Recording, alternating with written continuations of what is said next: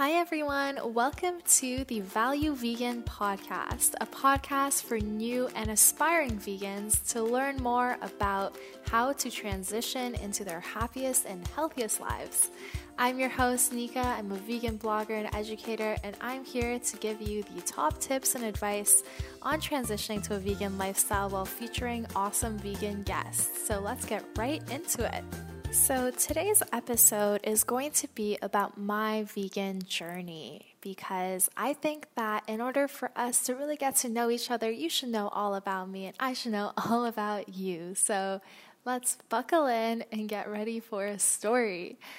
So, I went vegan approximately one year ago in August of 2017 officially that was my beginning of my vegan journey, but I started my transition to a healthier lifestyle, a more vegetarian lifestyle back in May of that year when I discovered that I really needed to make a shift in my life. I was in an unhappy place, both mentally and physically. I wasn't happy with my body. I was depressed and anxious, and I knew that something really had to change. So I just started naturally gravitating towards healthier foods, and that included plant based foods.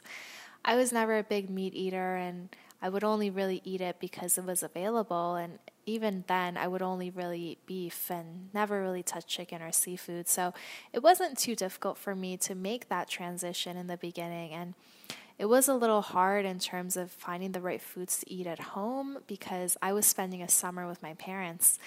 And that was a little bit difficult, but I learned how to cook my own recipes and really transition into being more independent and taking control of my own health. I was coming from three years of living in a first year residence at university and really only eating what was conveniently in the cafeteria, which unfortunately a lot of the time included burgers and fries and pastas and just not the healthiest foods. And obviously, that was having an impact on me physically and mentally. So I really decided to go all in with this and really start taking care of my health. That included also working out. I was doing HIIT workouts twice a week, and I was really just transitioning my mindset into one of growth and abundance. And in August of that year was when I fully moved out of my parents' house and had full control over what I was eating. So I decided I'm going to start just being vegan. And I really did it for the health in the beginning. I knew that my body responds really well to plant based foods. My digestion was improving, my weight was improving, my acne was improving, my skin, right? And it was really also changing my energy levels, and I just noticed such an amazing, amazing difference. But what made me super passionate about the vegan lifestyle was the social impact of veganism. And I realized that eating meat and eating animals in general and and subscribing to a non vegan lifestyle was really wreaking havoc on our planet. And once I learned the impact of animal agriculture on climate change, that's when I really woke up and I was like, whoa, like this is insane and it's crazy that all these environmental organizations are not speaking out about this because this is really the leading cause of climate change.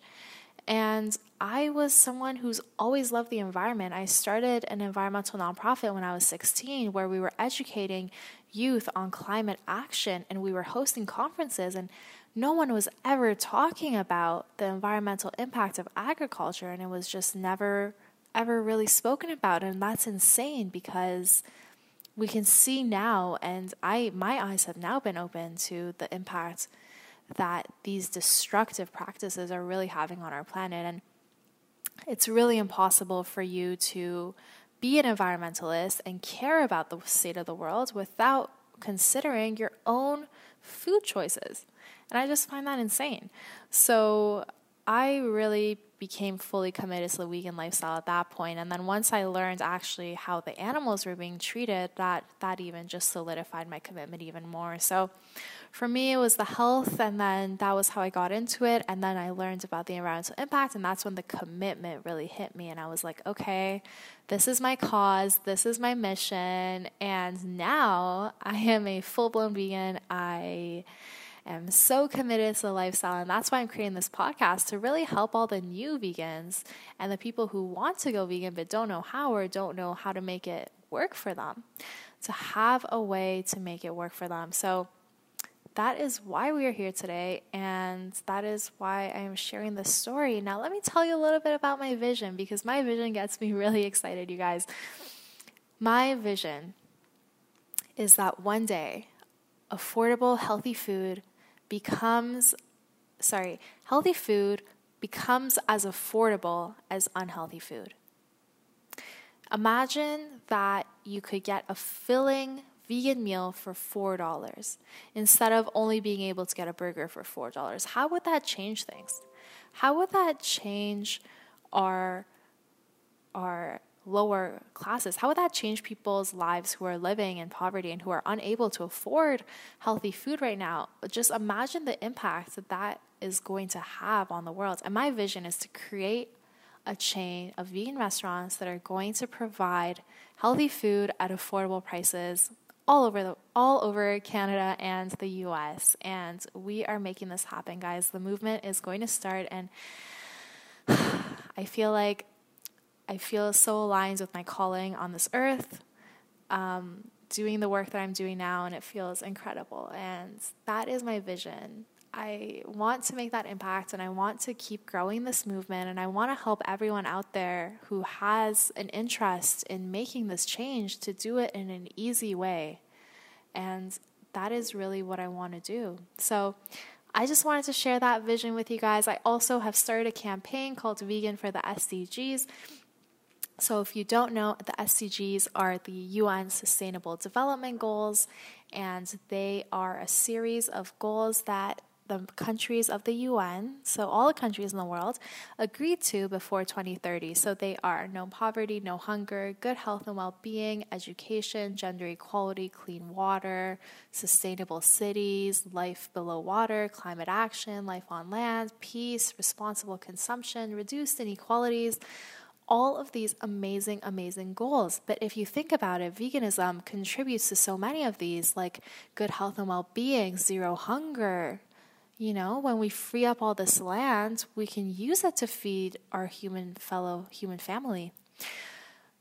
no poverty, creating new jobs in the new vegan industries which are booming and we can really just keep supporting this virtuous cycle of of contribution to humanity and that's just what I believe is so beautiful. So I've started a campaign vegan for the SDGs. It's on Instagram, vegan for SDGs and you can go check that out. There's five goals that are directly impacted by being vegan. So I hope you educate yourself on that and learn about how you can contribute to making a better world just by being vegan. And that is what I love about being vegan. So this was my little Nika gets on a soapbox and talks about her dreams episode. Um, and I hope you loved it. If you did, please share this. Let's get this out there. Help your friends who are thinking about going vegan to learn more about going vegan and how easy it can be. And share this with them. And I hope to make more informative content. Please re- leave me a review on iTunes. Um, screenshot this post, whether you're listening on Spotify, iTunes, whatever, and tag at Nika Moeini, N I K A M O E I N I, and at Value Vegan. And I will see you on the next episode. Bye.